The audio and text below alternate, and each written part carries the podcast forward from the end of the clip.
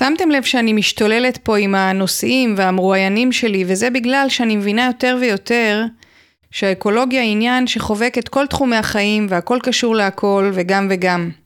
אז רק להזכיר שלמרות שהמראנו פה לסיפורים על רוח ושלום ויהדות וסביבה, הגעתם למקום הנכון, הפודקאסט סיפור ירוק, ואם תרצו לראות תמונות, סיפורים מאחורי הקלעים ועוד על הפודקאסט הזה, מוזמנים לקבוצת הפייסבוק שלנו, ותעבירו את זה הלאה.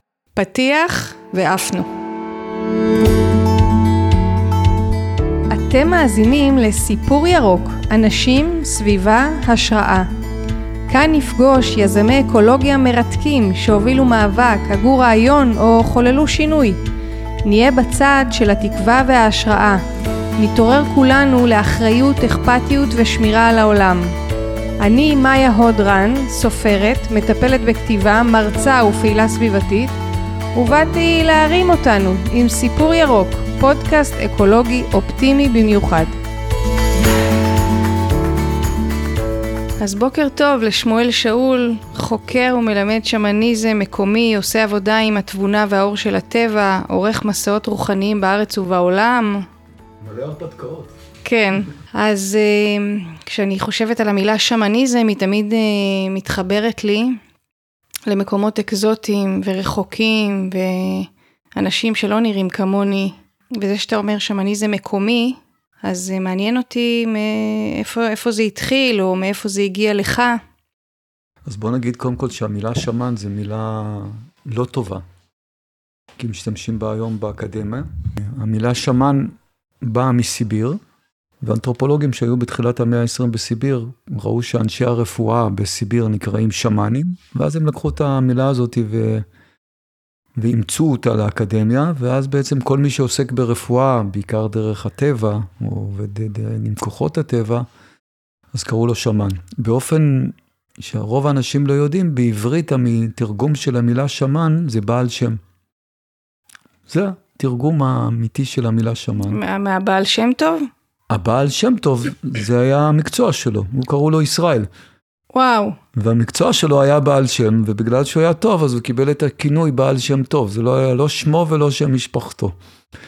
אז בעל שם זה שמן בעצם בתרבות שלנו, ואפשר להגיד שבכל תרבות יש את האנשים שמרפאים ועוסקים ברפואה, שרפואה שהיא עובדת יותר דרך כוחות הטבע, דרך תודעה, בחלקים מסוימים גם דרך מרקחות צמחים, אבל לא תמיד, דרך uh, כל מיני סמלים, קמעות, רוחות, נשמות, זה משהו שהוא מאוד מאוד רחב.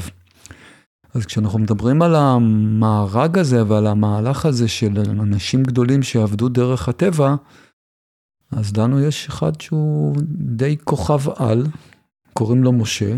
נהוג לומר משה רבנו, אבל בוא נגיד שהמערכת הדתית עוד לא הייתה קיימת אז, ובוודאי הוא לא היה רב בתקופתו, אף אחד לא קרא לו הרב משה. אולי יותר היה שמן, ובעצם כשמלמדים היום שמניזם בכל מיני מקומות בעולם, אז מציגים אותו כאחד השמנים הגדולים בהיסטוריה, שעשה ניסים בטבע, שאת כל הדרך שלו הוא ראה דרך מהלך לא מוסבר, שהוא ניסי בטבע, הסנה שאינו אוכל. ואחרי זה הוא קיבל תורה על ראש ההר, מה שהיום היינו קוראים לזה vision quest. כן. שאנשים הולכים ומתבודדים בטבע, אז מה הוא עלה? הלך ועלה לראש ההר ל-40 יום. ועבר חוויה טרנסצנדנטלית. אז גם כשאנחנו קוראים את סיפור חייו, הוא לגמרי תואם את כל מה שהגישה השמאנית אה, מביאה, שזה בעצם, אם הייתי צריך למרכז את זה במשפט אחד, זה היכולת לעבוד עם ודרך הבריאה. כי מה שקורה היום, במיוחד בתרבות המודרנית, זה שאנחנו יותר ויותר אינדיבידואליזם ויותר ויותר רואים את העולם דרך התודעה האישית שלנו. והשמן לא עובד ככה, הוא עובד דרך הבריאה, זאת אומרת, הוא מנסה להסתכל מה הטוב הנכון הכולל, וכשאני אומר בריאה זה טבע, זה אומר כל היצורים בטבע, וזה אומר בתוכו גם האדם, אבל לא רק האדם. ואחד באופן, התמ... באופן שווה אבל? איך אתה רואה את זה? באופן שווה. כן? יש משהו שאני קורא לו הטוב הגדול. ואפילו אני אומר לאנשים, הרבה פעמים אנשים לא הולכים לטוב הגדול שלהם, כי הם אומרים, אולי זה יפגע במישהו. אם אני אלך לחופש שלי, זה עלול לפגוע באיזה מישהו שנמצא סביבי. ואני לא מוכן לפגוע במישהו שנמצא סביבי, אז אני אוותר על החופש שלי. אז אני אומר, לא. בעולם האמיתי של הרוח, כשאדם הולך לאור הגבוה שלו, אין מצב שזה לא טוב לסביבה שלו. יכול להיות שזה יביא קושי לסביבה. לא תמיד אה, חופש מביא רק הקלות. לפעמים אם בן אדם לוקח חופש, אז אלה שסביבו צריכים להכיל אותו, צריכים לפתוח את הלב בשבילו. אבל כשאתה עובד דרך הבריאה, אתה מנסה להגיע לאיזה טוב גדול, שהוא נכון לכל הברואים. ואני חושב שלצערי הרב זה משהו שהאדם המודרני מזמן, מזמן שכח לעשות. אני אומר שכל המדע האקולוגי קם רק אחרי שהבן אדם התנתק מהטבע, כי לפני זה לא היה צריך בזה. הוא היה חלק מהטבע. נכון. והוא הקשיב לטבע, והוא פעל דרך הטבע. בעבר אנשים עבדו דרך הטבע, זאת אומרת, היו חלק ממחזור הטבע. אז הם לא היו צריכים לחשוב מה זה אקולוגי ומה זה לא אקולוגי, או אפילו בעידן שלי, בגלגול שלי, יצא לי להיות בפפואה ניו גינאה. שזה התרבות האחרונה שראתה אדם לבן. האנשים האחרונים שראו אדם לבן בכדור הארץ זה היה בשנת 1930. אז להם היה טקסי חניכה שבהם היו משתמשים בנוצות של קבוצת ציפורים שקוראים להם ציפורי גן עדן. אבל הם ידעו לצוד כמות מספיקה ועדיין לא רבה בשביל שהמין יוכל להמשיך ולהתרבות ולשמור על קיומו ושיהיה להם מספיק. ואז כשמגיע האדם הלבן והוא רוצה לקנות והוא רוצה לצרוך, אז אתה פתאום מגיע לציד שהוא לא בקשב לסביבה, ולאט לאט המינים האלה נכחדים. נכחדים. אבל הם בבסיס שלהם, היה להם את הידיעה על האיזון הנכון בכמה מותר להשתמש שזה נכון לטבע, וכמה זה לא נכון להשתמש כי זה כבר לא טוב לטבע. ואני חושב שבעיקר ב-200 השנה האחרונות, עם המהפכה התעשייתית ועם שימוש לא נכון במקורות האנרגיה של כדור הארץ, אנחנו יצאנו לגמרי מהאיזון הזה. עכשיו, יש פה איזה משהו שאנחנו אומרים בשמניזם, זה שאחד האנשי המפתח בתרבות השמאנית, על דרך השלילה, היה אדיסון. למה? כי כשהוא המציא את המנורה, אז הוא פתאום אפשר לאדם לחרוג מהמחזור של הטבע. כן. פעם אנשים היו קמים עם מזרחה, הולכים לישון עם משקיעה. מקסימום מדורה. מקסימום מדורה. היית שואל בן אדם איפה הירח עכשיו, בשמיים, מי שמקשיב לנו עכשיו יכול לשאול את עצמו, איזה יום של הלבנה אנחנו במחזור של הלבנה החודשי? רוב האנשים לא ידעו, אלא אם כן הם עובדים עם לוח עברי. אז הבן אדם מראש היה באיזה חיבור למחזור הטבע, ואני יכול לומר מניסיון, מכיוון שאני עובד עם הטבע ודרך הטבע, כשבן אדם מתחיל להתחבר מחדש למחזור הטבע, משהו בחיוניות שלו ובכוח החיים שלו עושה קפיצת מדרגה. כי יש משהו במחזור הזה שמביא כוח חיים. וכשנפרדים ממנו אתה מפסיד את החיבור הטבעי של הכוח חיים הזה. אז כשהתחלנו להשתמש, להשתמש באור שהוא לא אור טבעי של הטבע, אש, נגיד אור השמש, אז זה עוזר לאנשים לחיות בשעות שהן לא שעות. אה, בנינו לנו גם בתים יותר מוגנים. והיום אפשר לומר שרוב האנשים מנותקים אה, מהמחזוריות של הטבע או מהחיבור לסביבה. וזה פספוס גדול, כי חלק באמת מלהקשיב לטבע זה להיות מחובר אליו, וכשאתה מחובר אליו אז אתה יכול להרגיש צורך שהוא לא רק צורך שלך. כן. עכשיו, אני אומר את זה בשביל שזה לא יישמע מיסטי לאנשים. אני אומר את זה דווקא על נושא אחר לגמרי. גבר, אישה או זכריות, נגביות. אני יכול לשאול את עצמי, מה זה בשבילי להיות גבר בשנת 2022? זו שאלה מצוינת, לא פשוטה אני חושב, מורכבת, וזו שאלה שיש בה חקירה, מה זה בשבילי להיות גבר בעידן הזה. לעומת זה אני יכול לשאול את עצמי שאלה אחרת לגמרי, שהיא שאלה שמאנית. מה האור הזכרי של הבריאה, או האיכות הזכרית של הבריאה, או איך היא רוצה להתגשם דרכי? עכשיו, זו שאלה שונה לגמרי, שהיא עוסקת באותו נושא. רק היא באה דרך שני שערים שונים לגמרי. בשער הראשון אני עוסק בעצמי ואני אומר, מה זה בשבילי? אני הנושא המרכזי. כן. ובשאלה השנייה, אני בא ואומר, יש איכות זכרית שבבריאה, כולנו מאמינים בה, יש כאלה שיקראו לה יינג ויאנג, בתרבות הקבלית יקראו לה חסד וגבורה וכו' וכו'. ואני רוצה להקשיב עכשיו איך האור הזה רוצה להתגשם דרכי. זה אומר, אני במדרגה של פותח את ידיי, אומר משהו שאני הולך איתו הרבה, יהיה אשר יהיה, אני נותן את עצמי למהלך הזה. ואני נותן לחוכמה של הבריאה להתגשם דרכי, ולהביא את הזכריות שמתאים לה לברוא דרכי. זה משהו שאני עושה אותו המון בתוך חיי. זה נשמע כמו עם או בלי רצון. תכף נעמיק בזה. טוב. רק נחזור לטבע. אז אותו דבר, אני יכול לבוא ולא לשאול את עצמי מה אני רוצה מהטבע או מה אני רוצה מהבריאה, שזה אנחנו כל הזמן עסוקים, מה אנחנו רוצים מהטבע, כאילו, יופי וביטחון ונפט ו... חלב, ומים, ביצים. וחלב ואוכל וכו' וכו' וכו'. אלא אני בא ושואל את עצמי בעצם, מה הטבע רוצה ממני? עכשיו, כשמתחילים לתרגל את זה, זה שם המון סימני שאלה על המון תחומים, כמו מה זה גבולות פוליטיים מבחינת הטבע, זה, זה המצאה של הבן אדם. הרי לטבע אין איזה העדפה לתרבות מסוימת כזאת או לתרבות מסוימת כזאת.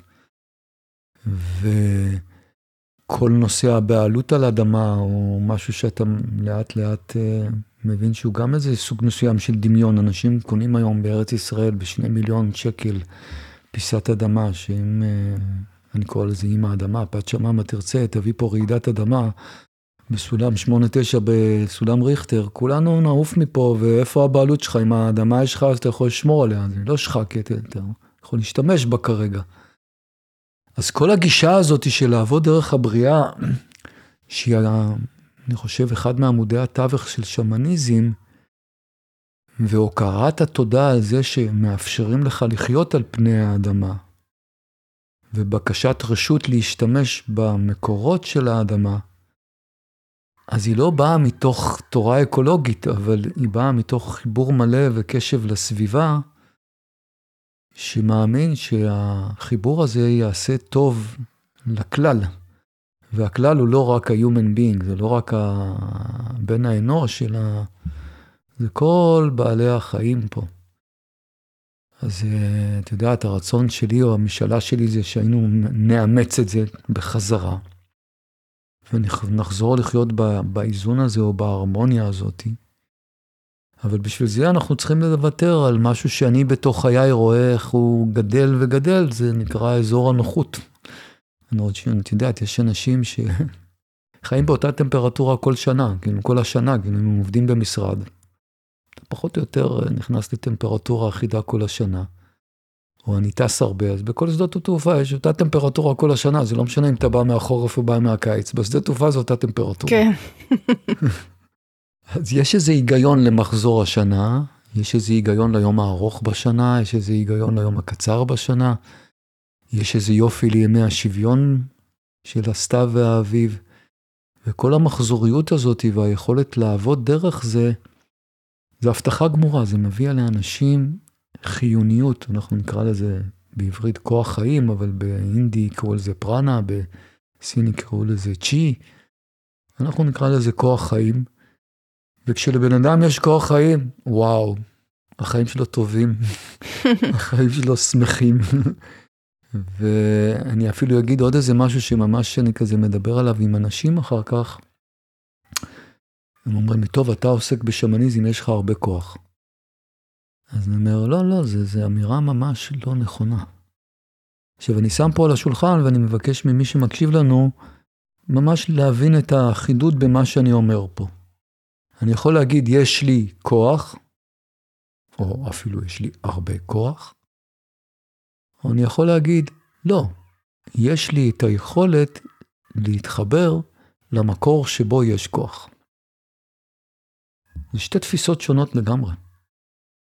בשמניזם יש אמונה מלאה שבקבלה קוראים לזה לית ממי גרמה כלום. אני משל עצמי אין לי כלום. אבל יש לי את היכולת להתחבר למעיינות האהבה, למעיינות העוצמה, למעיינות החוכמה, למעיינות החמלה. עכשיו יש בזה, אני תמיד אומר, שתי בשורות עצומות.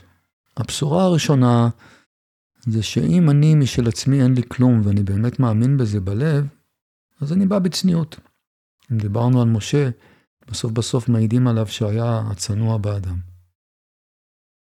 אז זו הבשורה הראשונה שהיא בריאה ללב. והבשורה השנייה, שהיא חגיגה גדולה, זה שאם יש לי באמת את היכולת להתחבר למקורות הכוח, האהבה, השמחה, היצירה של הבריאה, כמה אני יכול לקבל?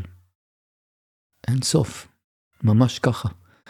וזה משהו שאני עובד איתו המון בתוך חיי, כולל בריצות מרתון, כולל בעבודה, כולל בחיי היום-יום. הנה, ממש מאמין באמונה שלמה, שאם נפתח את היכולת להיות מחוברים לבריאה, אז גם יהיה לנו מלא, גם נאמין שלכולם יכול להיות מלא, ואז אולי יהיה פחות מלחמות, כי אני חושב שמלחמה היא תמיד או שאני רוצה יותר, כי אני מאמין שלאחרים אה, יש ואז לי לא יהיה, או משהו כזה, זה איזה תחרות. וזה מפתח משהו שהוא מאוד מאוד חיוני בתוך, בתוך חיי היום-יום, כאילו זה... וזה שמניזם, זה שמניזם, זה היכולת להתחבר למקורות בכל תחום שהוא. זה יכול להיות יצירה, זה יכול להיות אהבה, זה יכול להיות שמחה, זה יכול להיות מיניות. אני חושבת עליי מה שאמרת, העניין של להסתכל באמת על זה לא כמשהו שלי, אלא משהו כללי, שבאמת מה שזה דורש זה ויתור על איזושהי ראייה מאוד מאוד מסוימת וסובייקטיבית, שהיא דרך העיניים הספציפיות שלי. נכון. עכשיו, כל החברה שלנו מבוססת על הטיפוח של הייחודיות שלי. אדמונד הילרי, תשאלי את האנשים מי היה הראשון שטיפס על האברסט. אז כולם יגידו לך אדמונד הילרי, שזה היה ניו זילנדי 1952. אבל הסיפור האמיתי זה שהם הלכו שניים, לא הלך לבד. לא רק שהלכו שניים, הוא הלך עם נפאלי מקומי, שרפה מקומי, שקראו לו טנזינג שרפה, שהוא כנראה גם עשה את רוב העבודה, כי הוא, הוא היה מוקלם לגובה, הוא היה מכיר את המקום וכו' וכו' וכו'. בכל מקרה, הם היו שניהם הראשונים שהגיעו לפסגת האברסט. אז בנפאל מספרים מה ההבדל בין העולם המערבי לעולם האוריינטלי, שהוא פחות אינדיבידואלי. אומרים שכשהם ירדו למטה, אמרו להם בראבו, אבל אתם שניים. מי הגיע ראשון? שניכם הייתם, אבל מי הגיע ראשון? אז אדמון הילרי אמר, כמובן שאני. כששאלו את הנפאלי, אמר, לא, הגענו ביחד. אז אני חושב שהתפיסה האינדיבידואלית היא קצת גול עצמי. כי מתישהו היא חוזרת אליך בבומרנג, כי אתה כל הזמן מנסה לחשוב על ה... הייחודיות שלי זה דרך השונה שאני, זה דרך מי שאני צריך להגיע ולהיות משהו וכו' וכו' וכו'. ויש לזה מחיר בעולם הנפש, שהוא מחיר אה, גדול. אז יודעת, אז אני אומר, בו זמנית משהו שהוא הפוך, אה, אבל אל תתבלבלו, כי עולם הרוח הוא כולו שני הופכים שהם רוקדים ביחד, היינו ערך זכר ונקבה. מצד אחד באמת להיות פתוח ופתוח ולהפסיק להסתכל על העולם דרכי, ומצד שני ובו זמנית לזכור שנבראתי ויש לי את האותנטיות שלי, ואם יש משהו שאני צריך לכבד זו אותה. שאני צריך להביא את הגוון שלי לבריאה, את הייחודיות שלי לבריאה, ולא לנסות להיות אף אחד אחר, mm-hmm. רק לנסות להיות אני עצמי. עכשיו, זה קצת מבלבל. ממש. גם ככה וגם ככה, אבל לא צריך להתבלבל, כי אחד הסודות הגדולים בשמניזם שאני עובד איתו, זה נקרא שתי תנועות הפוכות בעניין אחד. שמשהו שאת בטוח מכירה זה כולו מנהלה ושוואיה מן עבדאללה, כאילו הכל מהאלוהים וקצת מהעבד של האלוהים. עכשיו אם היינו הולכים עכשיו למבחן רציונלי זה משפט שהוא לא עובר, כאילו זה או שהכל מהאלוהים ואז כלום לא מהעבד של האלוהים, או שאם קצת מהעבד של האלוהים אז לא הכל מהאלוהים. בעברית יש את... אה, הכל, הכל רשום והרשות נתונה. גם וגם... אה, אה, לכבודי נברא העולם ואנוכי עפר ואפר. בדיוק, זה שני, בדיוק, גם וגם, בו זמנית. עכשיו, הרציו לא תופס את זה, אבל בעולם הרוח ככה אתה צריך להתנהל, כאילו, בו זמנית שניהם, גם בו זמנית הכל מאלוהים, וגם בו זמנית אה, הכל, אני לוקח אחריות מלאה על חיי ומשפיע עליהם. אז אותו דבר, בו זמנית אני נותן לבריאה לברוא דרכי כל מה שהיא רוצה, ואני בהתמסרות מלאה, ובו זמנית, אם הבריאה בראה אותי, ככה, אז היה לה איזה רעיון להביא דרכי איזה גוון מסוים. אני אומר, אפילו עכשיו אני הבורא או הבריאה. אז בראתי אותך, אז בר... לא בראתי אותך כמו כולם, אלא בראתי אותך, איך אני יודע, יש לך DNA שלאף אחד בבריאה אין אותו, ואף אחד בבריאה לא יהיה אותו. אז הנה, כבר יש לך משהו שהוא ייחודי, שהוא רק שלך. אז בראתי אותך בשביל שתביאי את הגוון ואת הצבע ואת האור שלך, וזה הכי יפה שיש. עכשיו, למה זה לא באמת מבלבל בסוף? כי כשאני עושה את זה ובו זמנית אני מפסיק להסתכל על העולם רק דרכי, אלא אני מבין שבעצם, את יודעת, היה לי איזה סיפור שהוא די היה טיפשי בחיי, אבל הוא היה מאוד משמעותי. הייתי פעם בהודו באיזה פסטיבל פילים. הפסטיבל עצמו במייזור, זה בדרום הודו, שהוא אפילו לא היה כל כך מעניין, הפסטיבל פילים. ואפילו לא זוכר שום דבר מהתהלוכה שהיה בו, רק זו שהיו פילים מקושטים. אבל הודו כמו בהודו, היינו שם חצי מיליון איש, בצפיפות מטורפת. ולא יודע מה נפל עליי, אבל הלב שלי והתודעה שלי פתאום נפלו לאיזה מצב, שאני הבנתי שיש פה 500 אלף איש, אבל חוויתי את זה, זה לא היה רעיון מנטלי, חוויתי את זה. שיש פה חצי מיליון איש, ושהסיפור שלי הוא אחד מהם, והוא לא יותר טוב מאף סיפור פה, וגם לא פחות טוב מאף סיפור פה. הוא לא יותר מעניין מאף סיפור פה, ולא פחות מעניין מאף סיפור פה, ושבעצם יש פה חצי מיליון סיפורים שלכולם יש זכות קיום מלא ושוויוני בבריאה. ואני לא יודע מה זה, זה עשה, זה היה איזה גלינג גלינג בתוך עולם הנפש והרוח שלי, שדווקא בחוויה הפשוטה הזאת, לא תוך מדיטציה, זה השאיר עליי רושם עצום. אז אני אומר את זה כי כשאחד הניסים שמנסים אה, לעשות בכדור הארץ זה אה, נשים כמה רצונות באותו מרחב ולראות אם הם מסתדרים. זה נס.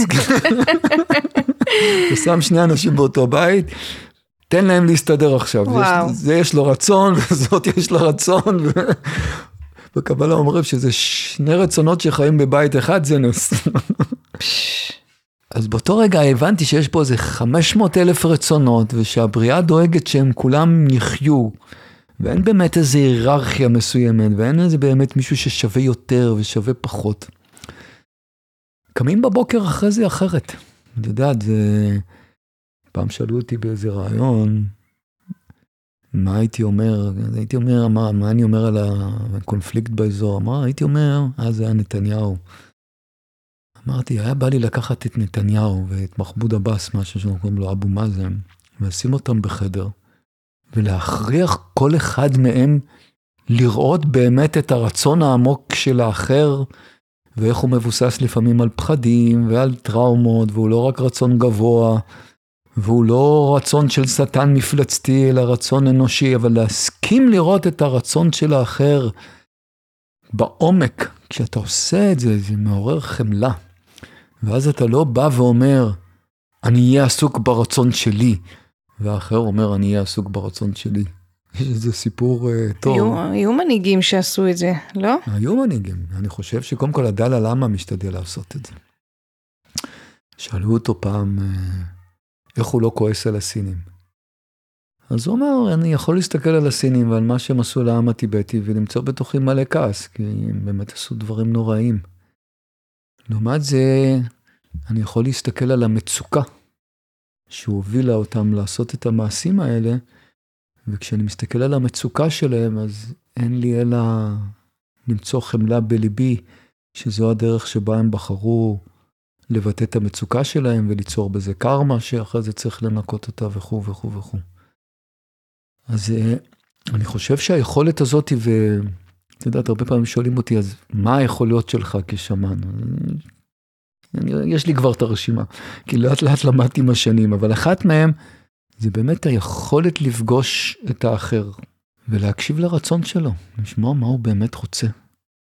עכשיו, לא רק מה הוא באמת רוצה ככה, כי לפעמים בן אדם רוצה ממך משהו בעולם החיצוני, ובעולם הפנימי הוא רוצה משהו אחר לגמרי. כן.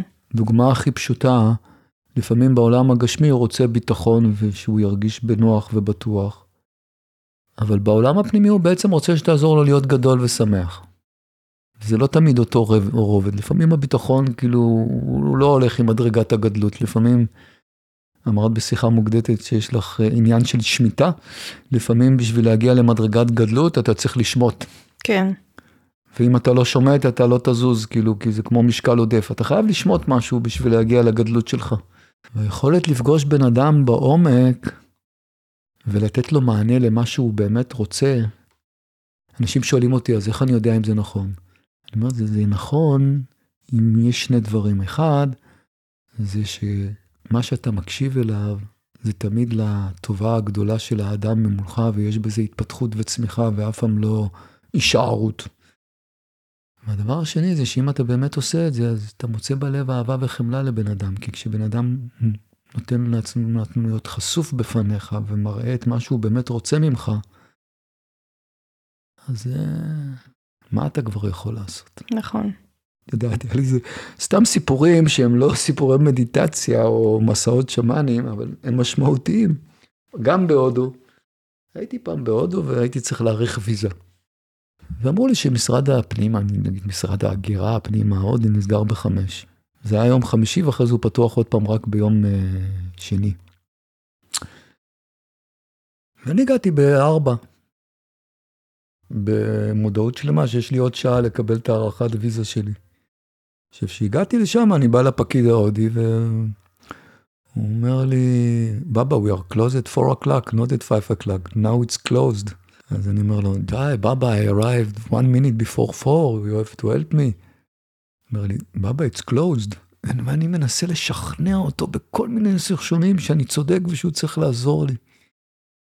ואז הוא אמר לי משהו שנשאר ככה לשארית חיי, הוא אמר לי, בבא, you waste your time, אתה מבזבז את הזמן שלך.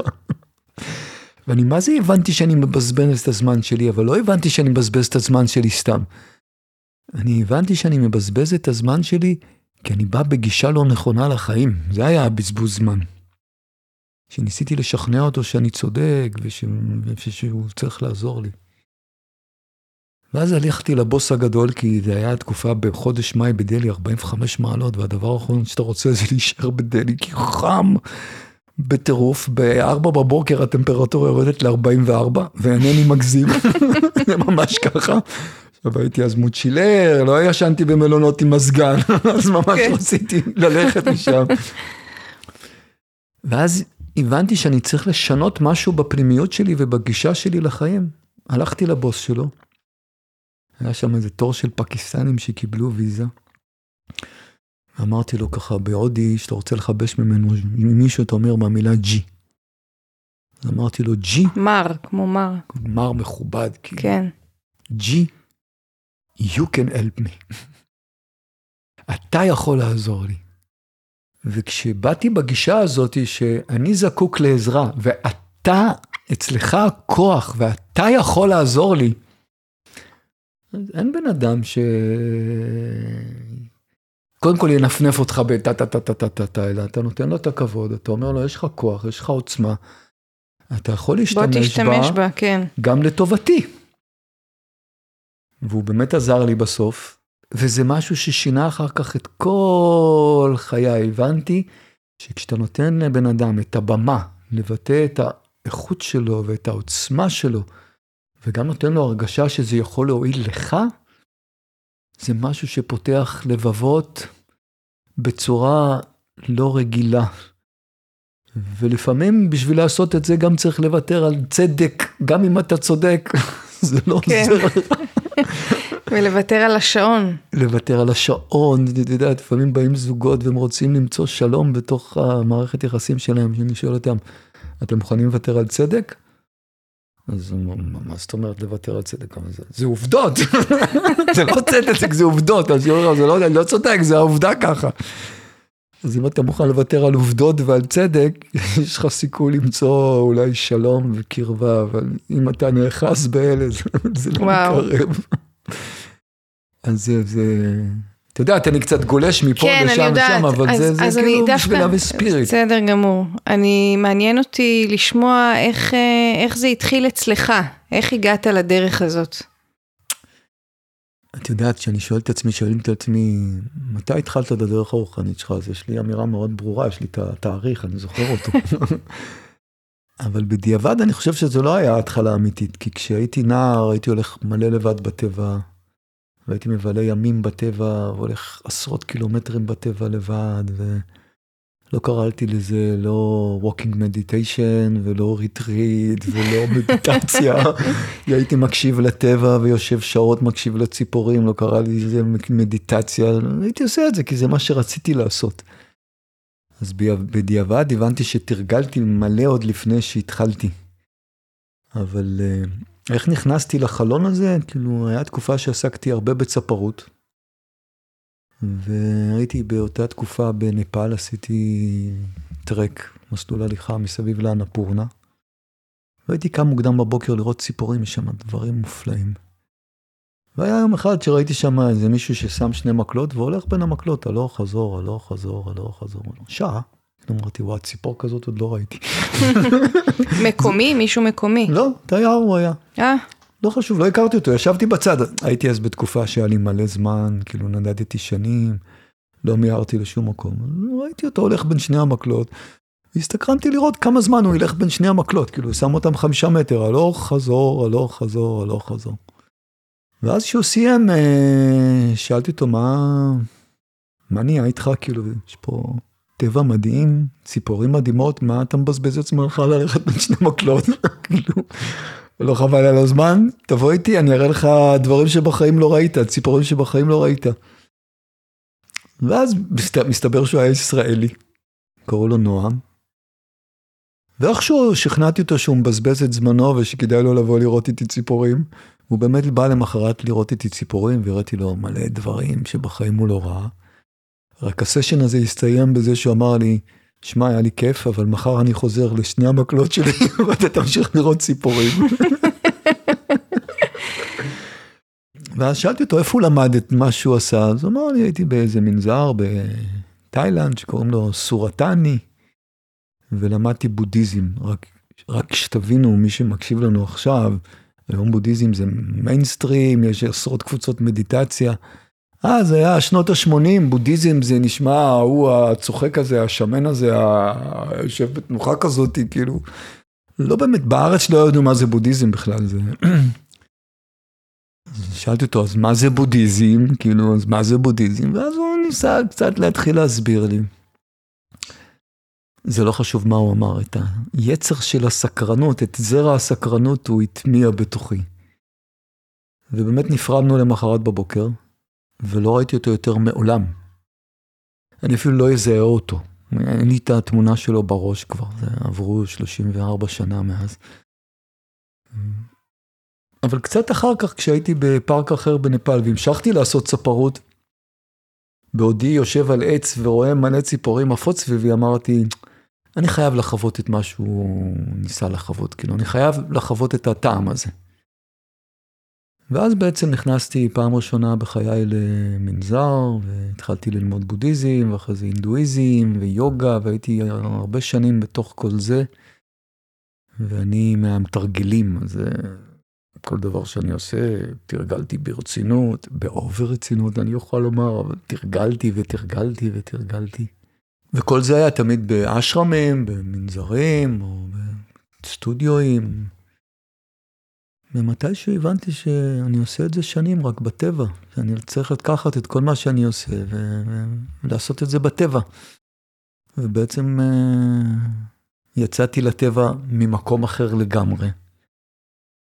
אותו מקום, אבל עם מיומנות אחרת לגמרי, אני חושב. ופתאום הבנתי שזה המגרש הביתי שלי. המגרש הביתי שלי זה לעבוד עם הטבע, עם נופים של הטבע. ו... עשית חיבור בין העולמות. עשיתי חיבור בין העולמות פתאום, והוא התחבר לגמרי, והבנתי שזה מוביל אותי לשער השמאני, ואפילו בצחוק באותם שנים היו שואלים אותי, אז מה האותנטיות שלך? אז מה הייתי אומר, נראה לי שהאותנטיות היחידה שיש לי זה שמרוב האנשים אני קצת אוהב את הטבע יותר מכולם.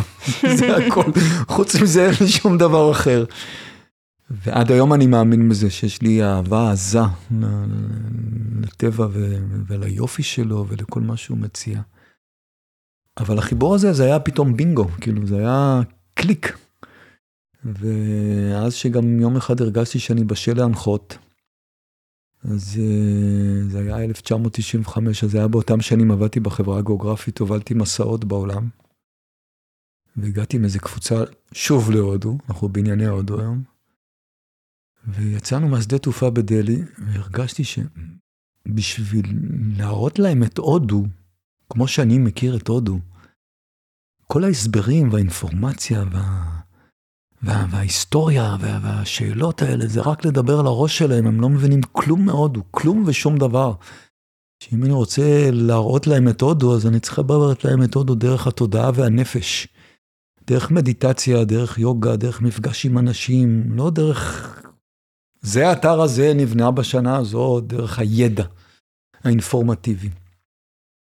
כמובן שלא יכולתי לעשות את זה אז, זה המסגרת של הטיול של החברה הגיאוגרפית, כשאתה מדריך בחברה הגיאוגרפית, יש לך כובע שעליו רשום יודע הכל, ואם לא יודע הכל לא התקבלת לחברה כן, הגיאוגרפית. כן, ואנשים באים בשביל זה. ואנשים באים בשביל זה, אז כמובן שלא יכולתי להיפרד מהתפקידי, אבל אמרתי, זה מה שאני רוצה לעשות. נשים. ואז כמה חודשים אחר כך אה, החלטתי לעשות ליל סדר ראשון בהר סיני. אמרתי, אני אחגוג את חג החירות בראש הר סיני. לא, והתחלתי איזה מסורת שהיא קיימת עד היום, שאת כל לילות הסדר אני חוגג בסיני על ראש ההר. מה זאת אומרת? זאת אומרת, עולים לראש ההר, פעם ראשונה עליתי להר משה. ומ-96 עברתי לג'בל קטרינה, הרגשתי שהוא המגרש הביתי שלי. עולים ברגל? עולים ברגל, ישנים על ראש ההר, חוגגים את הסדר, לא בצורת קריאת ההגדה, אלא באופן שמאני על ראש ההר. וזה איזה מסורת ממש, כאילו זה מסורת אפילו ידועה ותפסה. אה, אפילו השנה חבר שלי שגם מדריך טיולים בסיני ובפסח שם, הוא אמר, אתה על ראש ההר בפסח, נכון? אסור להפריע לך. זה כאילו נהיה איזה עניין כזה מזה. אז מה זה עם חבורת אנשים כן, קבועה כן. או... אה, פעם היה לי משאלה שהיא תהיה קבועה, אבל זה לא עובד ככה, כי זה חג נורא משפחתי, אז אה, לא כל אחד יכול להתפנה כל שנה. אבל היו כבר כמה שהייתי ארבע פעמים וחמש פעמים. קשה לוותר על הזה. יש לי מטופל שאחרי, כשהוא חזר אחרי החג, אז שאלתי אותו איך היה החג, הוא אמר לי, העיקר שזה עבר. אז קשה לוותר על ה... זהו, וככה בעצם התחלתי את הדרך שלי, דרך זה, בסדנה הזאת עשינו פעם ראשונה טקס קבורה באדמה, שהוא טקס שמאני, לא חיברתי אותו אז, אבל פשוט עשיתי אותו. מה אז תסביר, תספר. ביום האחרון שלה, זה היה סדר שנת 95. רצינו לישון קצת, חפרנו בורות. קמתי בבוקר ואמרתי להם, עכשיו אנחנו מתפשטים ונקברים באדמה, מתכסים באפר, משאירים רק מקום לפה ולאף לנשום. באיזה קטע? זה קטע של, שיש לו הרבה רבדים.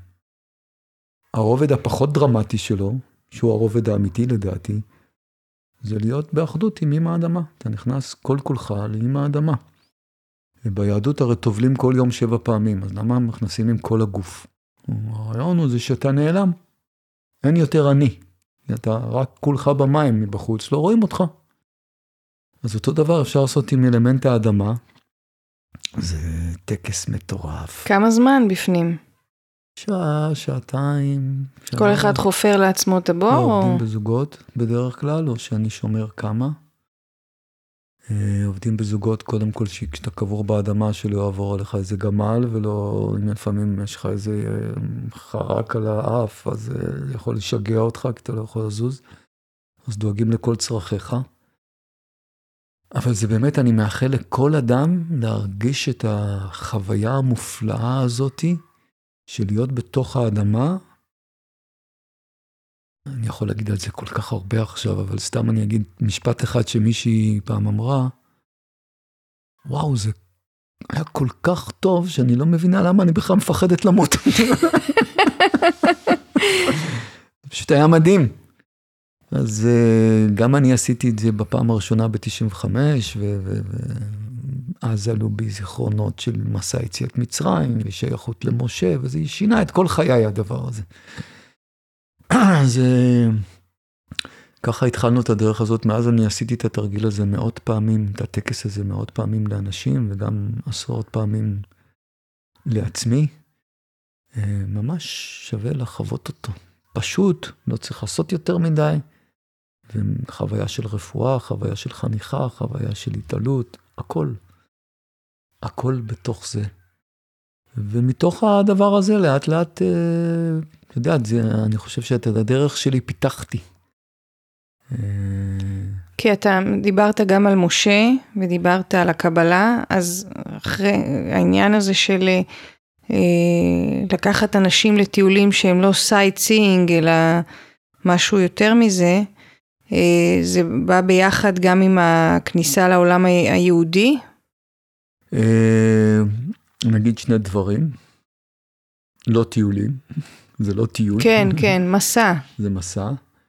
אה, גם היום רוב העשייה שלי היא סדנאות ופחות מסעות. אני אוהב את המסעות, אבל רוב העבודה שלי זה סדנאות. יש עניין שיש חיבור בין מקום גשמי, האור שמתגשם בו, זאת אומרת, התורה שהוא מביא לעולם, והאנשים שחיים בו.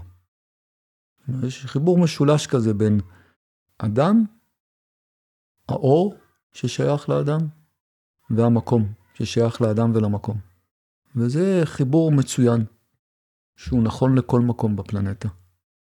לדוגמה, יש תרבות אחת בפלנט הארץ שיש מילה אחת שמתארת את אותו דבר.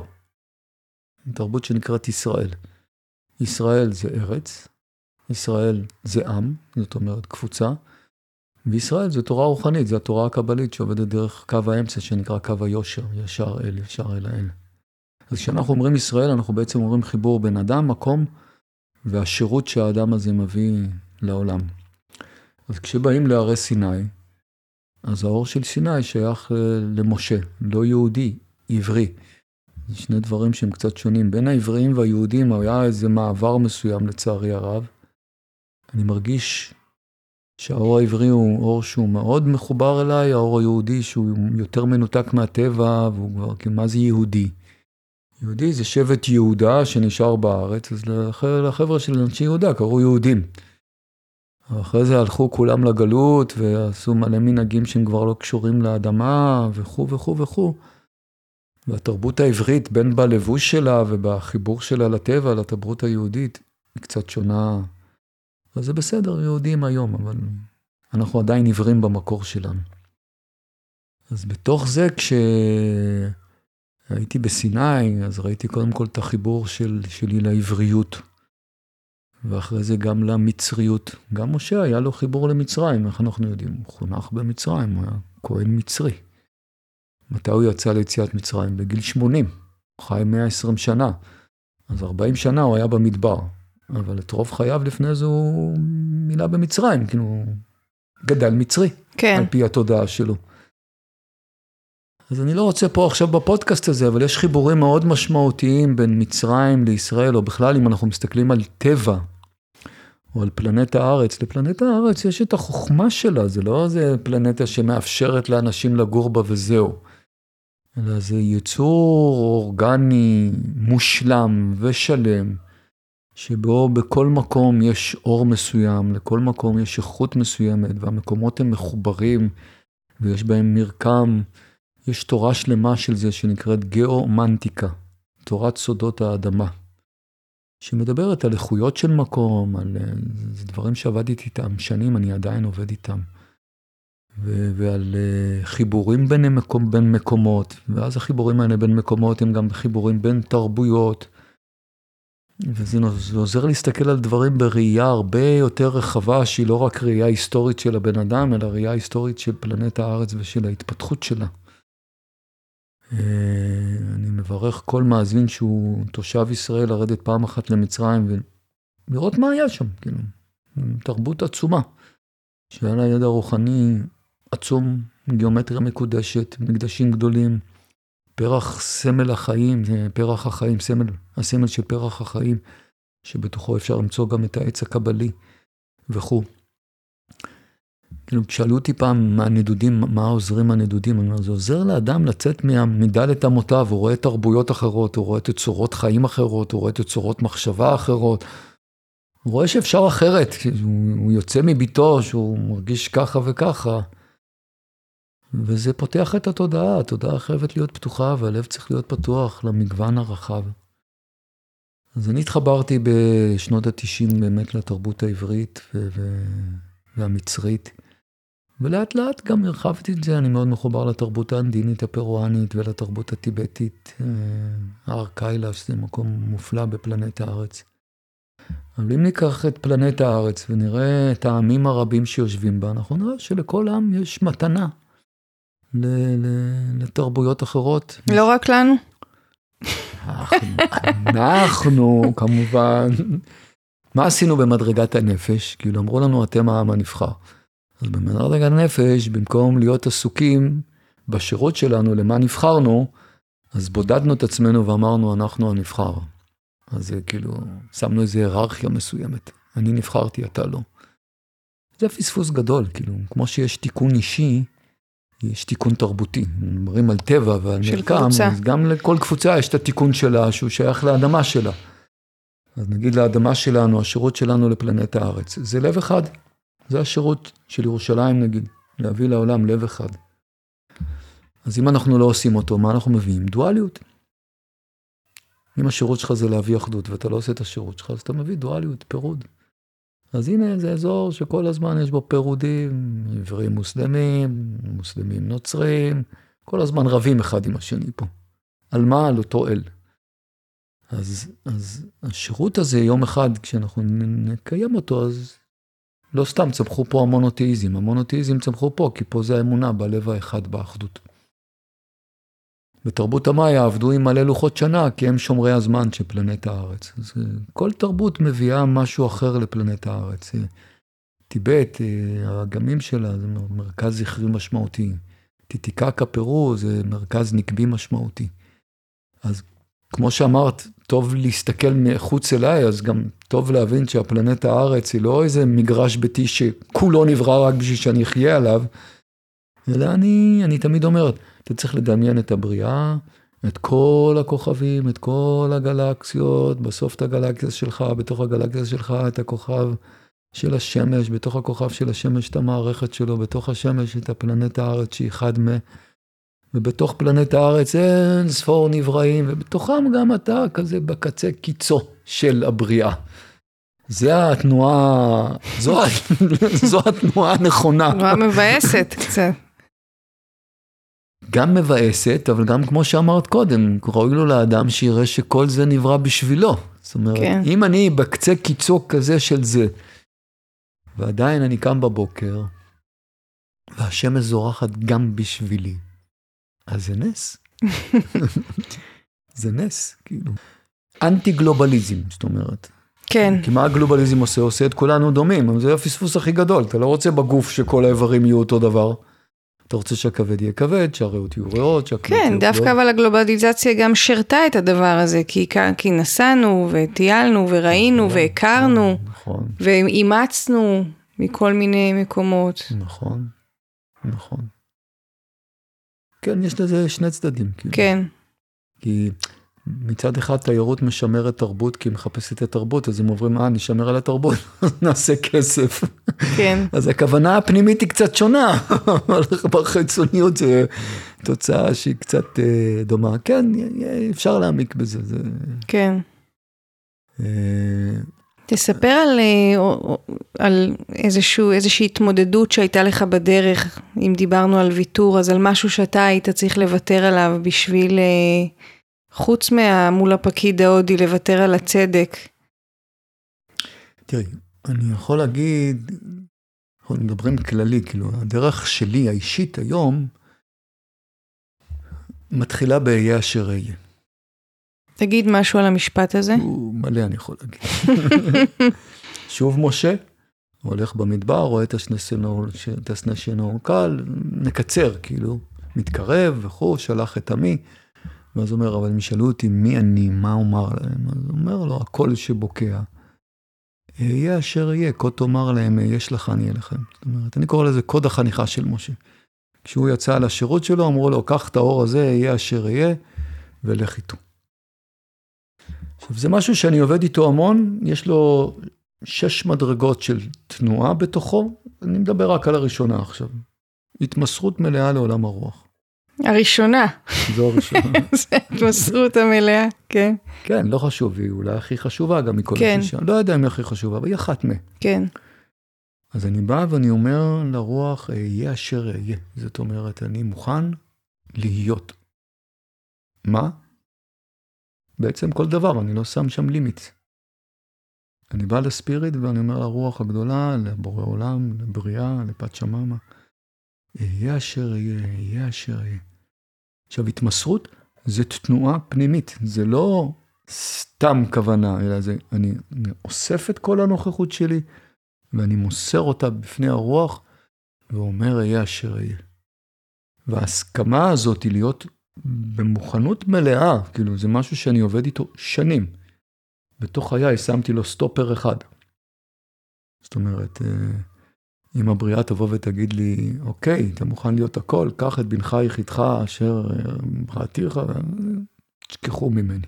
עד כאן. עד כאן, כאילו זה לא בתוך בית ספרנו, כאילו זה גם, לא, לא למה, כלום למה, למה לשם הולך הסיפור? זה באמת קשה כל כך. הלך נגיד במסורת. אז כשאני אומר יהיה אשר יהיה, עכשיו אני עובד עם זה המון עם אנשים, אתה לא רק אומרים, אתה צריך להתכוון לזה. כשאני אומר יהיה אשר יהיה, אז אני באמת רוצה להתכוון לזה, זה לא סתם אמירה, אני באמת מתכוון להיה אשר אהיה, שאני מוכן להיות כל דבר, חוץ מהסטופר ששמתי. עכשיו, באחד הסשנים שעשיתי, אני עושה איזה תיאטרון שאני קורא לו תיאטרון שמאני. אני כזה ממחיז הצגה חד פעמית של שעה, ככה. אז אחד הפעמים עבדתי ויהיה אשר יהיה. ואמרו לי, אוקיי, אתה יהיה אשר יהיה, סבבה. עכשיו אתה יורד לפלנט הארץ. מי אתה רוצה להיות? משה? משה כבר תפוס. בודה, בודה גם תפוס. רמב"ם, גם כבר מישהו תפס. הארי הקדוש גם נתפס. כל התפקידים האלה דפוסים. יהיה אשר יהיה, יש לך תפקידים אחרים. מההומור הזה הבנתי שהם שאלו אותי, רגע, היטלר אתה מוכן להיות? מחפשים עוד אחד כזה. אמרתי, מה פתאום, אני אהיה אשר אהיה. מה פתאום היטלר? הקר, אם אתה רוצה להיות יהיה אשר יהיה, אתה חייב להסכים להיות גם נבל. אתה לא יכול להיות רק צדיק. אם אתה רוצה לשרת את הרוח, ובמדרגה של נסתרות דרכי האל, מה אתה יודע? אז לפעמים, בשביל להעיר את בני האדם, מביאים כל מיני צוררים רשעים, שיערו אותם על ידי מכות, כאילו גם אנחנו יצאנו ממצרים על ידי מכות, לא אמרנו פרעה, תפתח אהבה וחמלה, שלח אותנו, נתנו מכות. עכשיו אני אומר את זה באמת, זה שהייתה הבנה מאוד ברורה, ששינתה את חיי, שאם אני רוצה לעבוד יהיה אשר יהיה, אני חייב לשמוט את האימג' שלי. ולהסכים להיות כל דבר. לא רק צדיק, מואר, מוערך, אלא גם לא סימפטי, אה, קשה, אה, עקשן, אם זה מה שאני רואה לנכון. וזה היה שינוי פנימי, עשיתי איזה תהליך עם זה, נכנסתי ללבושו של הנבל. זה היה ככה, ברגע שנכנסתי ללבושו של הנבל, הבנתי עד כמה כובעו של הצדיק הוא כלא. אנשים באים אליך, אתה מורה, אז הם מצפים ממך לאיזה קוד התנהגות מסוים שאתה רק עם חמלה, אתה לא כועס, יש לך סבלנות אינסופית, אתה בדרך כלל צמחוני, לא שותה קוקה קולה. אה,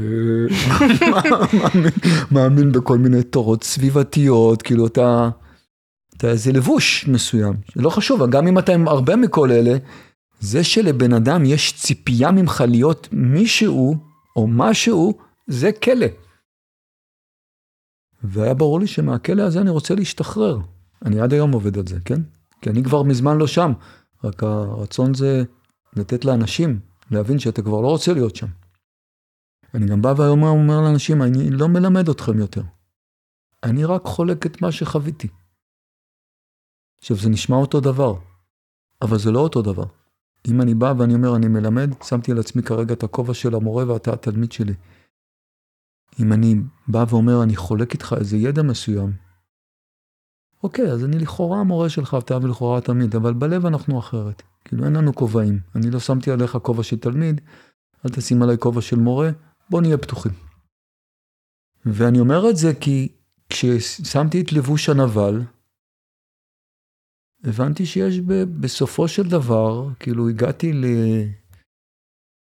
לקלף הראשון בסדרת הטהרות, שהוא השוטה, שוטה הכפר, והבנתי שהחופש האמיתי נמצא אצלו. עכשיו, זה לא חופש פשוט, יש לו מחיר גדול. צוחקים עליו, מבזים אותו, הוא לא מקבל הכרה על מי שהוא. הוא לא נחשב, הוא אאוטסיידר,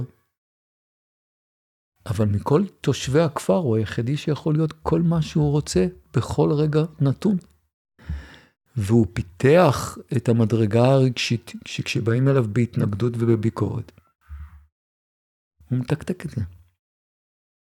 עולם הנפש שלו מכיל את זה, אם הוא שמח, כמובן. עכשיו, אם יש לזה מחיר, כן, יש לזה מחיר גדול. זה לשבור לאנשים את התדמית שלך. זה לשמור קודם כל בעיני עצמך את התדמית שלך. זה היה, שאני... זה היה משחרר. כן? מאוד. לא, אני חושבת כאילו על תפקידים, דיברנו על הדלאי למה. תאר לך שהדלאי למה, כן, גם עליו יש לי תדמית מסוימת, אני יודעת בדיוק איך הוא צריך להתנהג בכל... ורוב האנשים לא יודעים שהוא אוכל בשר, לדוגמה. הדלאי למה בכבודו ובעצמו, האדם הכי חשוב בעולם הבודהיסטי, המעייני, אוכל בשר מדי פעם. כן. זה עוד מילא, עזוב, אני מדברת איתך על... וגם דרך אגב נגד על... אה, הומוסקסואליזם וכו' וכו' וכו'. כן. אז יש לו, הוא גם לא... זהו, אז אני מדברת על חמלה, על אה, זה, על להיות תמיד, בכלל המילה הזאת תמיד, להיות תמיד משהו. כן, נכון. לא, זה משחרר מאוד לשבור תדמיות בפני עצמנו. כי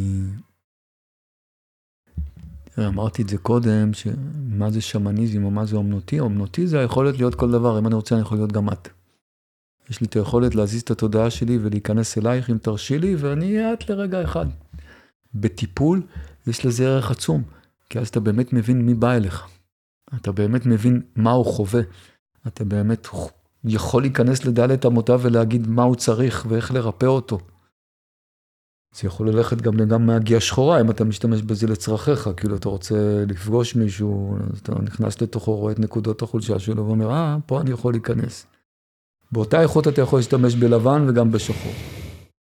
אבל אני מדבר על זה שחלק מהיכולת הזה זה להפסיק להיות צמוד למי שאתה. ואני אומר את זה לא כגנות, אבל הרבה אנשים רוצים שיהיה להם איזה נקודת יחס אידיאלית בחיים שלהם, היא עוזרת להם כתומכת, כמחזיקה מרחב, כאיזה מודל שאפשר להגיע אליו או ללמוד ממנו. על זה, הוא, על, על זה נבראה הדת, לא? אני לא, אני לא בעד דתות, אני אנטי דתי. לא, כאילו... אני... אני בן אדם מאוד דתי באמונה שלו, אני אנטי מערכתי לגמרי. כן, לא, אבל על הצורך הזה, של נכון, מודל, של זה, נכון, זה... נכון, אתה תגיד לי מה לעשות. כן. ואני רק אציית, הדבר הכי קל זה לציית. זה, זה, הכי קל זה להיות צייתן. הכי קשה זה להיות חופשי. למה אנשים לא חופשיים? כי זה קשה להיות חופשי. אתה צריך להחליט, לקחת אחריות על ההחלטות שלך, לקחת כיוונים בחיים שלך. חופש זה לא רק גן עדן. אז שאלת על מחירים, אז היה, על לשבור את התדמית הזאת וגם לשים אותה בחוץ, כאילו. זה משהו שהוא רגע חשוב ומכונן, ואני משתדל לעשות אותו כמה שיותר. זה ממש, ממש חשוב, כי אז אני באמת בא לתוך האיה אשר יהיה הזה. ואומר, אוקיי, יכול להיות שהיום אני אהיה צדיק, ומחר אני לא אהיה צדיק. מחר אני אעבוד עם, נגיד, פחות עם חסדים ויותר עם גבולות ויותר עם דינים, או את יודעת, זה גם, זה, זה תמיד כל אחד קשור לדרך שלו, כי מצאתי את עצמי מתישהו בדרך בחוסר איזון מטורף בין נתינה לקבלה, שאני כל הזמן עסוק בלתת, בלתת, בלתת. ואני מקבל נגיד 200 הודעות בוואטסאפ, אז 199 מהם הם מה אנשים רוצים ממני, ואחד, מה שלומך באמת, אני מתעניין במה שלומך באמת. ויש לזה מחירים, גם לאסרטיביות יש מחירים, לכל הדברים האלה יש מחירים, וזה טוב. זה... אני צריך רק לומר, כי אמרת קודם על שמיטה, זה לכאורה מחיר. בסוף בסוף בעומק זה לא מחיר, זה רווחה. אבל בהתחלה זה מרגיש כמו מחיר. כן. אני אומר את זה לאנשים, צא מאזור הנוחות שלך, זה, זה המחיר שאתה משלם. אז זה באמת לצאת מאזור הנוחות זה מחיר, אבל זה לא באמת מחיר, כי כשאתה יוצא אתה מבין שזה כבר רווחה, אתה יותר רענן, יותר חי, יותר מלא, יותר הכל. אז אה, אני מברך את כולנו ביהיה אשר יהיה, ושלא נלבש לא את המסכות של הצדיק ולא את המסכות של הנבל.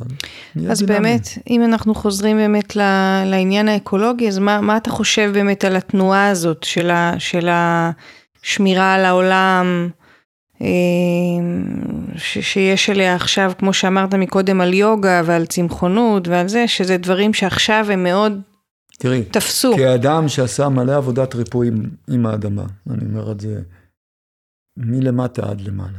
אם האדמה לא צריכה שירפאו אותה. אם פלנט הארץ הייתה כל כך מודאגת ממצבה, היא מזמן הייתה מנפנפת את כולנו מפה. ואנחנו פה במדרגת חסד, מבחינתי. צריך לזכור שכל החיים הם במדרגת חסד. מה זאת אומרת כל החיים במדרגת חסד? בלי אור השמש לא היו פה חיים. אז אנחנו קמים בבוקר ויש אור שמש, תודה רבה. מה עשינו בשבילו? כלום. אז קודם כל אנחנו חיים במדרגת חסד. אנחנו בפלוס. ככה. בוא נדריג ככה, אנחנו קודם כל במדרגת חסד. זה לא עלינו, אנחנו לא פה אחראים על העניין. זה, זה, כשאני קם בבוקר וזוכר שאני פה בחסד, אז תודה רבה. הדבר השני, אני מרגיש שאם האדמה נמצאת במצב שהיא מאפשרת לנו להבין שחרגנו מהמסלול הנכון. כי לה יש את הכוחות שלה, זאת אומרת, צונאמי פה, רעידת אדמה שם, הרגע שם, שיטפונות, ברד, קרח, ביי ולהתראות, כאילו, מה הבעיה להביא אסונות טבע? לא בעיה להביא אסונות טבע. אז כל עוד אנחנו לא שם, אנחנו כבר שם קצת לצערי, המזג האוויר בשנים האחרונות הוא בלתי צפוי, אף אחד לא יכול להגיד שהוא לא שונה, הוא מביא איתו מלא בלאגנים, הוא מביא איתו קצוות מטורפים, אה, שלא היו קודם, אנחנו כבר שם. אבל אנחנו עדיין בזמן החסד שאנחנו יכולים לתקן. תמיד הברסלב היה אומר, אם אפשר לקלקל, גם אפשר לתקן. אז, ואם אפשר לתקן, אז גם אפשר לקלקל, אז תיזהר, גם פה וגם פה. אז אני חושב שכל התורות האלה, כל המעשים, הפעולות האלה, הן פעולות טובות. צריך לזכור את זה שאנחנו עושים את זה בעיקר למעננו ולא למען אה, פלנט הארץ. פלנט הארץ משל עצמה יכולה לדאוג לעצמה. ואני חושב שכל מה שאני יכול להתפלל זה שיש לזה מחיר. מחיר זה כנראה להוריד את רמת החיים בחזרה קצת, להיות הרבה פחות צרכנים, להיות הרבה יותר קשובים. את יודעת, היה איזה יום אחד בחורף לפני איזה כמה שנים, שהיה כל כך קר שהחשמל לא הספיק. ואז מיד קמו מלא צעקות, איך צריך ליצר עוד חשמל, ואיך לא היה מספיק חשמל, ואיך זה, ואיך זה, ואיך זה. ואז אה, ברדיו מהות החיים אמרו לי, מה אני אומר? אפילו לא היה איזה אחד שבא ואמר. אז אפשר להשתמש בפחות חשמל, ויום אחד יהיה לנו קצת קר. זה לא כל כך נורא, לאנשים יש שמיכות בבית, לאנשים יש בגדים חמים בבית. אז יום אחד לא היה לנו מספיק חשמל, כי היה קר מדי. אז בשביל זה עכשיו עוד להשתמש בעוד מארג, ועוד תחנת חשמל, ועוד תחנת כוח. יצאנו, חרגנו, הלכנו רחוק, התרחקנו. יש לי חבר בכפר, כפר אקולוגי רוחני בפורטוגל שנקרא תמרה, שאני אוהב להשתמש במטאפור שלו, הוא אומר, הנשמה זה כמו ווייז. כשהתרחקת, מה היא עושה? היא לא מוותרת, היא אומרת, מחשב מסלול מחדש. אנחנו עכשיו בשלב שאנחנו מחשבים מסלול מחדש, מבינים לגמרי שיש צורך לחשב מסלול מחדש. בלב השמאני שלי הייתי אומר, קודם כל בוא נקשיב לבריאה ונראה מה היא אומרת. נראה מה היא מציעה. כשאנשים בונים בית ומזמינים אותי, אני אומר להם, תקשיב מה האדמה רוצה שיקרה פה. אל תבנה את הבית רק לפי הרעיון שלך, תבנה את הבית לפי מה שנכון פה. לפי מה שנכון לסביבה פה. קחי עיר כמו אילת. מה יש באילת? מלונות ו- ו- ו- ושיכונים. זה יכול להיות כפר אקולוגי שכולו בנוי מבוץ, גן עדן כולו, על המים הכחולים. אולי עם פחות מלונות ופחות שופינג מולס. אבל את יכולה לדמיין את הגן עדן הזה שהיו יכולים לעשות נגיד ממפרץ אילת אם הוא היה נגיד פחות פונקציונלי כלכלי. אז זה כוח גדול מאוד, אגב כוח, הכסף, זאת אומרת שעל חשבון, שבהתייחס אליו עושים בחירות. אני מזמין אותך פעם אחת לבוא לסיני ולהיות שבוע בטבע בלי בטון. ואחרי זה לחזור לישראל ולהרגיש כמה בטון יש פה כבר. כן. מה זה בטון? זה מקום שהאדמה לא נושמת. אבל אתה כמישהו שמתעסק באמת בריפוי. כן. אז אתה רואה את עצמך חלק מהדבר הזה? מהתנועה שתחזור ותחזיר לאדמה את היציבות ולנו את ה... אה, הגעת ליעד? זו תשובה מורכבת, כי קודם כל אני מזמן עזבתי את האג'נדה שאני צריך להציל את האדמה. אני חושב שכשהיא תרצה היא תציל את עצמה. אני חושב שבעיקר צריך להציל את האדם מעצמו. זה, זה היינו הך. זה לא כל כך היינו הך, כי הכוונות הן שונות. כאילו, יש, בשמניזם עובדים המון עם כוונה. ולכוונה, כמו שאמרתי קודם, יהיה אשר יהיה, תתכוון למה שאתה אומר, זה לא סתם אתה אומר, כן. תתכוון. אז את יודעת, אה, יש את העניין הזה שמישהו בא ואומר לך, אה, אה, אפשר לתת לך חיבוק? לא, מה זה אפשר לתת לך חיבוק? אתה רוצה חיבוק או רוצה לתת חיבוק? אם אתה רוצה לתת חיבוק, אז תן חיבוק, תגיד אפשר לתת לך חיבוק. לא רוצה חיבוק שלך עכשיו. אפשר לקבל חיבוק, אוקיי, אז תגיד שאתה רוצה לקבל. אז זה לכאורה אותו דבר, אבל הכוונה הפנימית היא משנה עולמות. כן. כאילו, זה, זה מאוד משמעותי. אז אם הכוונה שלי זה להציל את עצמי, אז הבעיה היא לא אקולוגיה, הבעיה היא האדם. קודם כל הבעיה היא האדם. כן. אז בואו נתחיל בנו, כאילו... לא, זה מה שאתה אומר פה זה מעניין, כי אם אני באה מעמדה שאני רוצה להציל את האדמה, אז זה שוב קשור אליי, כי אני רוצה להציל אותה. ברור. אז אני קודם כל בתוך חיי מנסה לתרגל בשנים האחרונות רצון עמוק לא להציל אף אחד, אלא לעזור לבן אדם להציל את עצמו. כל אחד שיציל את עצמו. כולל קליינטים, כולל לקוחות, כולם, שיצילו את עצמם. אה, אני חושב שזה בריא לבוא ככה. ואני חושב כאנשים, אתה יודע, זה זמן להתעורר, אין לי מה לעשות, אין לי... אבל אתה יודע, במקום הזה אני גם תם. אני, אני זוכר שהילד שלי בגיל חמש שאל אותי למה יש מלחמות בעולם. ושאלתי את עצמי, איך אתה מסביר לילד בן חמש משהו הגיוני שמסביר למה יש מלחמות בעולם, כשיש לך פלנטה, מה זה יפה, עם נופים מטורפים, עם ייחודות טבע מג'ונגלים למדבריות, לקרחונים, להרים גבוהים, לחופי ים. כשאנחנו קמים בבוקר, אני אומר לאנשים פעם, תדמיינו כמה אוכל אנשים אוכלים ביום אחד. כל השישה ביליארד, שבעה ביליארד שיש פה, כמה אוכל אוכלים ביום אחד? זה כמות בלתי נתפסת. ולמחרת אוכלים עוד פעם. אוקיי, אז יש פה ושם רעבים. אבל כמות השפע שיש פה, היא מטורפת. כן. אז אם יש כל כך הרבה שפע וכל כך הרבה מרחב, אז למה להיכנס ל... את יודעת, אנחנו מקליטים את הפודקאסט הזה בזמן שיש מלחמה בין רוסיה לאוקראינה. כמתבונן מהצד, אני אומר, מה קורה? כאילו, על מה? כאילו, אפילו מה הרוסי שגר ברוסיה מרוויח מזה? כאילו, הוא לא במדרגת הישרדות, אז מספרים לו את זה, אז שיתעורר. אז העניין פה, אני חושב, את יודעת, הבודה, כשמתרגמים את המילה מפאלית ל, ל, לעברית, זה לא זה שהגיע להערה, אלא זה זה שהתעורר.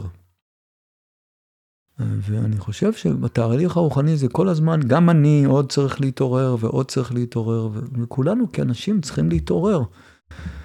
ואנחנו לא מתעוררים, אז יש שינויי מזג האוויר, יש התחממות גלובלית, יש, יש בעיות. שינויי מזג האוויר בשנים האחרונות מביאים גם לאסונות טבע. אז אני חושב שאנחנו צריכים להתעורר. ו... אבל אתה אומר שההתעוררות היא דבר אישי? היא דבר אישי, אבל יש לה עיקרון של מסה. במקום הזה אני מאמין באמונה מלאה. עשינו לפני שנתיים ומשהו טקס במצדה ששנים רציתי לעשות אותו, הוא נקרא אלף מול אלף. מול אלף שבשביל לקדש את האמונה בחרו להתאבד, לאלף שחושבים שאפשר גם לקדש את האמונה בלבחור בחיים ולא צריך להתאבד בזה. כי באדמה הזאת זה משהו שהוא כל כך מושרש ברמה של אמונה פנימית. לא יודע, מה הרעיון בלהתפלל ולהגיד שבכל דור ודור מישהו יכלני? כאילו, למ, למה להנציח את זה בתור אמונה פנימית או בתור תפילה? אז את זה הייתי שמח לנקות, כאילו, את כל הדברים האלה. אז יש מלא מה להתעורר. ואני מאמין שכשיעשו את זה מספיק אנשים, אז זה ייצור איזה מסה קריטית. כן, שתהפוך את התודעה. שתהפוך את התודעה, כן, נכון. ואז זה, זה יהיה לרח, לרווחת הכלל, כאילו, את יודעת, זה, זה משהו שהוא מאוד מהותי מבחינתי. אז רגע, עליתם אלף איש למצדה? כן. אני לא יודע אם היה אלף, ניסינו אלף. וואו. כן, זה היה... ולא רק זה, כאילו באנו ואמרנו, אנחנו רוצים מלא אנשים. אז המפתח, נגמר, זה לא לקחת כסף, כי לא עשינו את זה בשביל להרוויח משהו. אבל זה עלה קצת כסף. אז ראינו שאנחנו כבר לא מצליחים להפיק את זה, כי... ואז את יודעת, כשדברים הם מדויקים, באה המועצה, מועצה האזורית המקומית, ואמרה, עלינו, אנחנו תומכים באירוע, כל ההוצאות עלינו. וואו. שמנו שם עשרות אלפי שקלים. כי היה צריך להביא הגברה, וזה טקס של אלף איש, ולקבל אישורים מהאתר, וזה היה הפקה. אז פתאום הם באו וכאילו, מה זה, פתחו את הלב, ו... הרימו לכם. הרימו לנו, וזה היה ממש מרגש, כאילו, ואני זוכר את הברכה שנתתי לקהל אז, בתוך הטקס הזה, כאילו, אתה אומר, אוקיי, יש לי עכשיו אלף איש, יש לי הזדמנות להביא אור לאלף איש, מה אני אביא להם? איזה ברכה. כשהרצון זה היה לחזק את האמונה בחיים. ואז אמרתי להם, אה, דמיינו שאתם בונים מגדל קלפים, כן? ברור לכם שכשבניתם מגדל קלפים, אם תוציאו את הקלף הראשון, אז הכל ייפול. אה, אחד מלמטה. ואז אמרתי להם, אה, עכשיו תבנו את המגדל קלפים, ותצרכו, תיצרו לכם מקום בלב שבו אתם מוציאים קלף או שניים מלמטה והכל נשאר. שזה לא צריך להיות הרס כולל, שיש לנו את היציבות להחזיק בחיים, גם אם לא קל, גם אם לא קשה, אבל אני נדבק באמונה שלי וביכולת שלי לבחור בחיים. ארץ ישראל, טוב לחיות בעד ארצנו, לא טוב למות בעד ארצנו. בוא נחליף את הנרטיב למשהו פוזיטיבי. וזה לא שאני בא, את יודעת, בעבר היה לי ביקורת על מה שעשו הקנאים במצדה, על ההתאבדות הזאת וכו'. אין לי עליו ביקורת, סביר להניח שגם לא היו מתאבדים האלה, היו נכנסים והיו רוצחים את רובם ואונסים את הנשים. אה, אבל אני אומר שבתוך האדמה שלנו ובתוך האמונה שהדת שלנו מביאה לפה, יש מקומות שהם דורשים רפואה, כאילו שהם דורשים פתיחת ידיים ולהגיד, יאללה, רק טוב החסד, כאילו, רק טוב החסד. אז במקום הזה אני כן, אני כל חיי שם, כאילו, כבר 30 ומשהו שנה, זה מה שאני עושה בחיי. מנסה לעזור לאנשים להתעורר, ולחיות טוב יותר, ו- ולהיות יותר מחוברים לטבע, ולהיות יותר מחוברים לעצמם. יש לזה מלא כלים, חלימה, שמניזם, מדיטציות, הקשבה לטבע, חמלה וכו', מלא מלא מלא מלא מלא מלא. זהו, וזה, את יודעת, זה הרצון, זה הרצון. אבל אם אני צריך להציל את האדמה, לא, לא. צריך להציל את האדם, ותודה לאל, אני מקווה שלא... לא אכחיד יותר מדי בעלי חיים. אה, כי את יודעת, אנחנו שמנו את עצמנו לפני עוד יונקים וחרקים שונים. כן. עכשיו, זה מה שהיה יפה בקורונה. מה, אז תגיד. שבא יצור שלא רואים אותו וקרקס את כולנו. וואו, באמת מדהים. אז באמת, תגיד משהו על זה, איך הקורונה השפיעה, קודם כל המסעות שלך באיזשהו מקום אה, לתקופה לפחות נפסקו, לא? וואו, בחוץ. זה שנה קשה מאוד. זה אנשים לא מבינים, שאני נווד, ונווד חי כשהוא נודד. אה, אז לא נדדתי. אה, הייתי פה בארץ, וניסיתי לעשות נדודים מקומיים כשהיה אפשרי. אבל בהחלט מאז אני משתדל לנסוע כמה שיותר, לפצות על החסר. מה היה קשה כל כך? זה לא עניין של קשה, את יודעת, זה... נגיד, ראית פעם סוס פרא? במונגוליה לפעמים רואים סוסי פרא. לא. בדרום אמריקה. כשאתה רואה סוס פרא רץ לבד במרחבים, לא כי אמרו לו לרוץ, לא כאילו זה מישהו עכשיו רוכב עליו והוא משמש באיזה שירות, אלא כי זו ההוויה שלו. זאת התנועה אוהב, שלו. זו התנועה שלו, העוצמה שלו, זה לרוץ במרחב, והוא עושה את זה בשביל לבטא את עצמו עד הסוף. את יכולה להרגיש איזה אור עצום זה? כן. לבין סוס שעכשיו מישהו רוכב עליו ואומר לו, תיסע ככה ימינה ותיסע ככה, כי אם לא, אז הרסן שלך בפה הוא יכאיב לך וכו' וכו' וכו' וכו'. זה ההבדל, יש יצורים שהעוצמה שלהם היא התנועה. השמנה, השמנים, העוצמה שלהם זה התנועה בכל העולמות, לא רק הגשמי, בעולם החלימה ובעולמות הרוחניים. זה האיכות שלנו. אז כשאנחנו נעים פחות, אז אנחנו חיים פחות, כל אחד עם, ה... עם האותנטיות שלו, זה האותנטיות שלי או של נוודים. ומה שלי היה בעיקר קשה בתקופה הזו, עם כל ההבנה והניסיון להבין את זה עד הסוף, זה הבחירה הטוטלית, שמעולם לא הייתה ככה, של כולם בפחד. כולם בחרו בדרך הפחד. את יודעת, זה עוד לא עבר, כאילו. זה עוד לא עבר. ואני, אם יש משאלה, ואני חושב שבאמת אה, זה חלק מהרפואה של הפלנטה, זה שהתודעה הקולקטיבית בפלנטה תהיה מבוססת על אהבה וחמלה ולא על שליטה ופחד. ולצערנו הרב, רוב המקומות, עדיין התודעה הקולקטיבית עובדת על שליטה על פחד. אנחנו בארץ ישראל הולכים לבחור על ביטחון, לא על חינוך, לא על כלכלה, לא על אהבה. ראית פה פה מישהו שמוכר אהבה ויכול להיבחר פה? לא. לא עובד.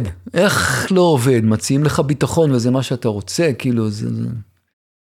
אז אני מבין, את יודעת, לצערי הרב, כמורה אני אומר את זה, אני מבין שאנשים, כל עוד אין להם סביבה בטוחה, הם לא זזים.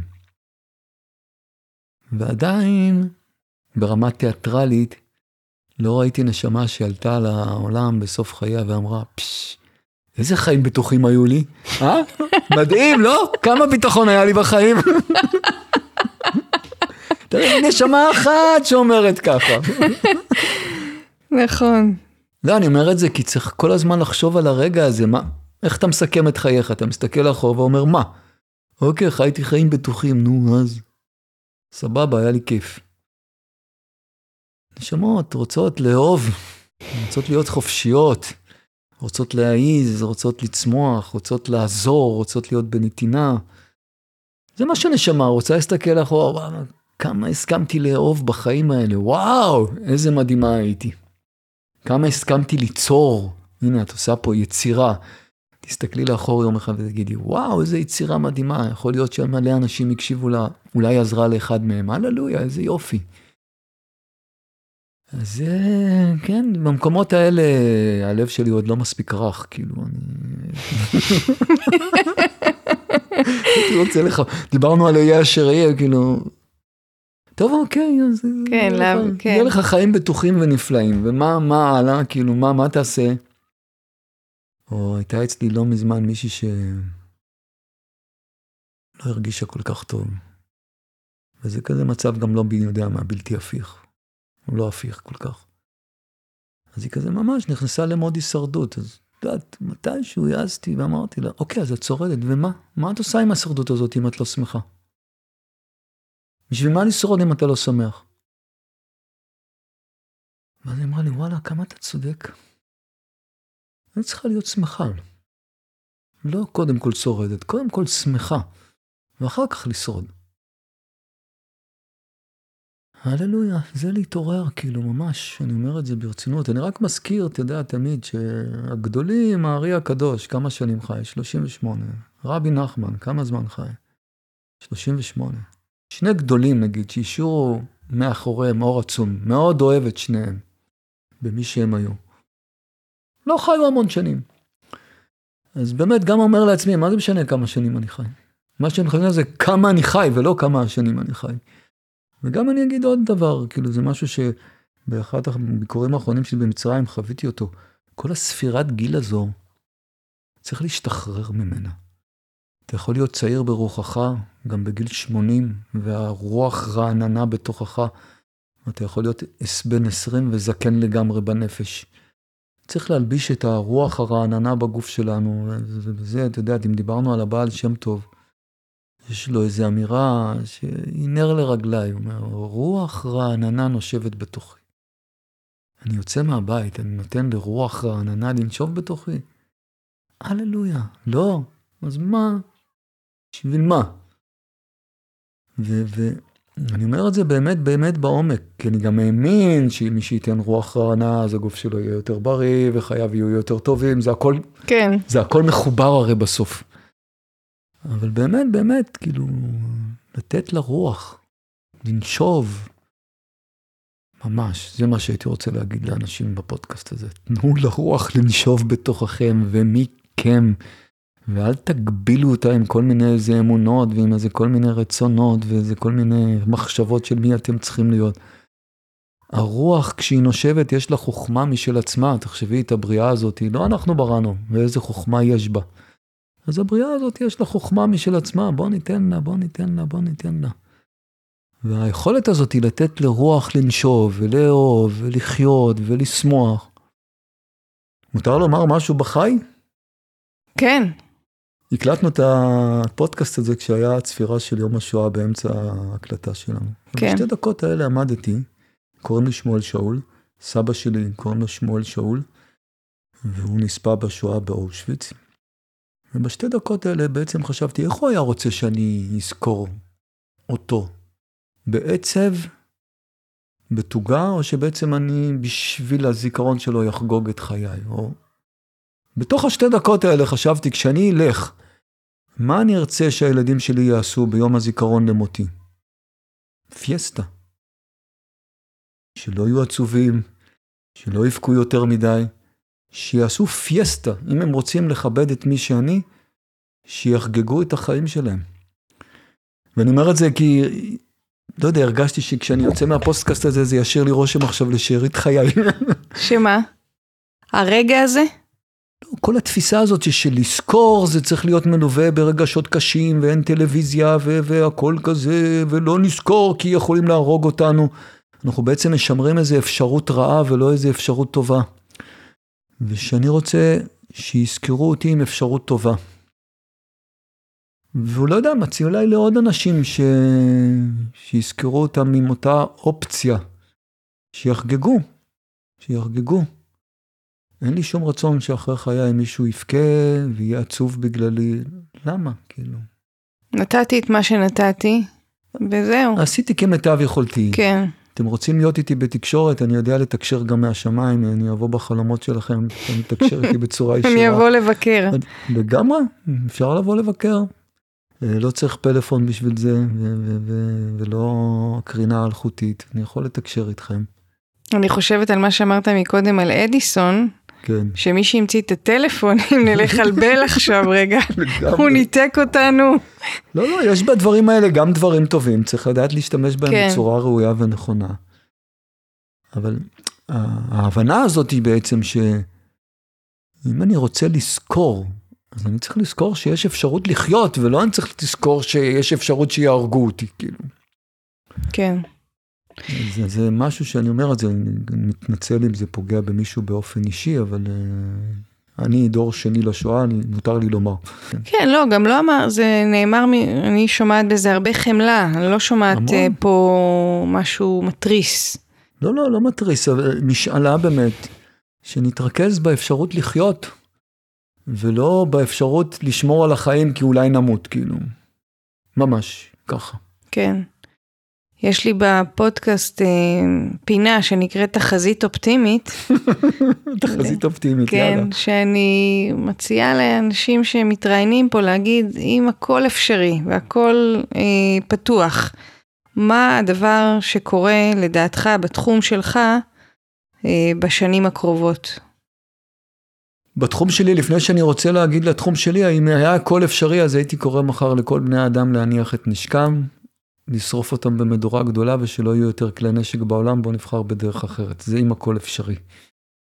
אה, וזה משאלת לב, שבאמת אה, נבין שאנחנו רוצים לחיות ביחד, ובואו נחגוג ביחד במקום לריב. ממש ככה, זה אם הכל אפשרי. ובדרך שלי, מלא דברים. אחד, זה שאנחנו מפתחים את אומנות המפגש, ומתחילים יותר לראות מה אנשים רוצים מאיתנו ומקשיבים לזה ונותנים לזה מענה חיובי. אחד. שתיים, שרפואה שמאנית נהפכת להיות כמיינסטרים, ושאנחנו משתמשים בכל הכלים השמאניים. יש שערים שונים לרפואה שמאנית, שאני מלמד אותם, שפיתחתי אותם, שיהיו חלק מהמיינסטרים, זה משאלת ליבי. שיהיה בתוך החיי יום-יום שלנו צוות של אנשים שהתפקיד שלהם זה לליווי של נשמות במוות ובלידה, והם עוזרים לאנשים לעשות מעברים נכונים ברגעי המוות וברגעי הלידה. ואותו צוות הרבה יותר רחב, שיעזרו לאנשים לעשות את זה בחיי היום-יום שלהם, כי זה קורה כל הזמן בכל מקרה. שנפסיק לחשוב שמוות זה סוף, ואנחנו כבר לא בתקשורת עם מתינו, אלא אנחנו יכולים להיות בתקשורת על חושית בכל הממדים כל הזמן, ואנשים שנפרדו מחיינו יכולים להמשיך להתות לפעמים בקשר הרבה יותר טוב, אני אומר את זה באמת, כי אין את כל הפילטרים של העולם הזה, ו- ו- ולפגוש גם את אבות אבותינו ואת כל מי שנמצא איתנו. זה שלא בונים יותר לפני שמקשיבים למי, למה עם האדמה מציעה ומה היא אומרת ואיך נכון לבנות ביחד עם הסביבה ומה זה בכלל קווי אנרגיה. אנחנו מודיעים לכל מה שהאדמה הזאת מציעה. שיהיה הרבה פחות טכנולוגיה והרבה יותר פרא. ממש. שיעשו בעולם שמורות פרא. שאסור לפתח בהם דבר, שאנשים יוכלו להבין מה זה ללכת לחוף ים פראי, בלי קיוסק, בלי שבילים, בלי סימונים, שיהיה את, ה, את הנטו הזה. זהו, ואם הכל אפשרי שיהיה בתחום שלי, שיהיה מלא אנשים שיעשו את מה שאני עושה ושאני לא אצטרך לעשות כלום יותר. ממש ככה. אמן. אמן, אמן, אמן. אוקיי. ואני אופטימי. אני בן אדם... לגמרי, אתה נשמע ככה. אני בן אדם מאוד אופטימי. אתה שטחת פה עכשיו, אתה יודע, בדרך כלל בן אדם אומר משהו, שניים, אתה שטחת פה עכשיו לא, יש לי רשימה. מלא תוכניות. אוקיי, אתה רוצה עוד להוסיף עוד משהו, או שנראה לך שזה... אני תמיד נוהג לעשות את מה ש... לסיים את מה שאני עושה בתפילה טיבטית שאני מאוד אוהב אותה. מי ייתן וכל הברואים יהיו מאושרים. אמן. אמן. זה מה שאני רוצה לעשות. אוקיי, היה לי נעים וכיף. תודה רבה, שמואל שאול, כיף שבאת. תודה רבה על ההאזנה הסבלנית שלכם. אני הייתי מאיה הודרן, ואנחנו נתראה בעוד שבועיים בפרק הבא של סיפור ירוק. בינתיים, שנהיה טובים לעצמנו, לזולת, לעולם.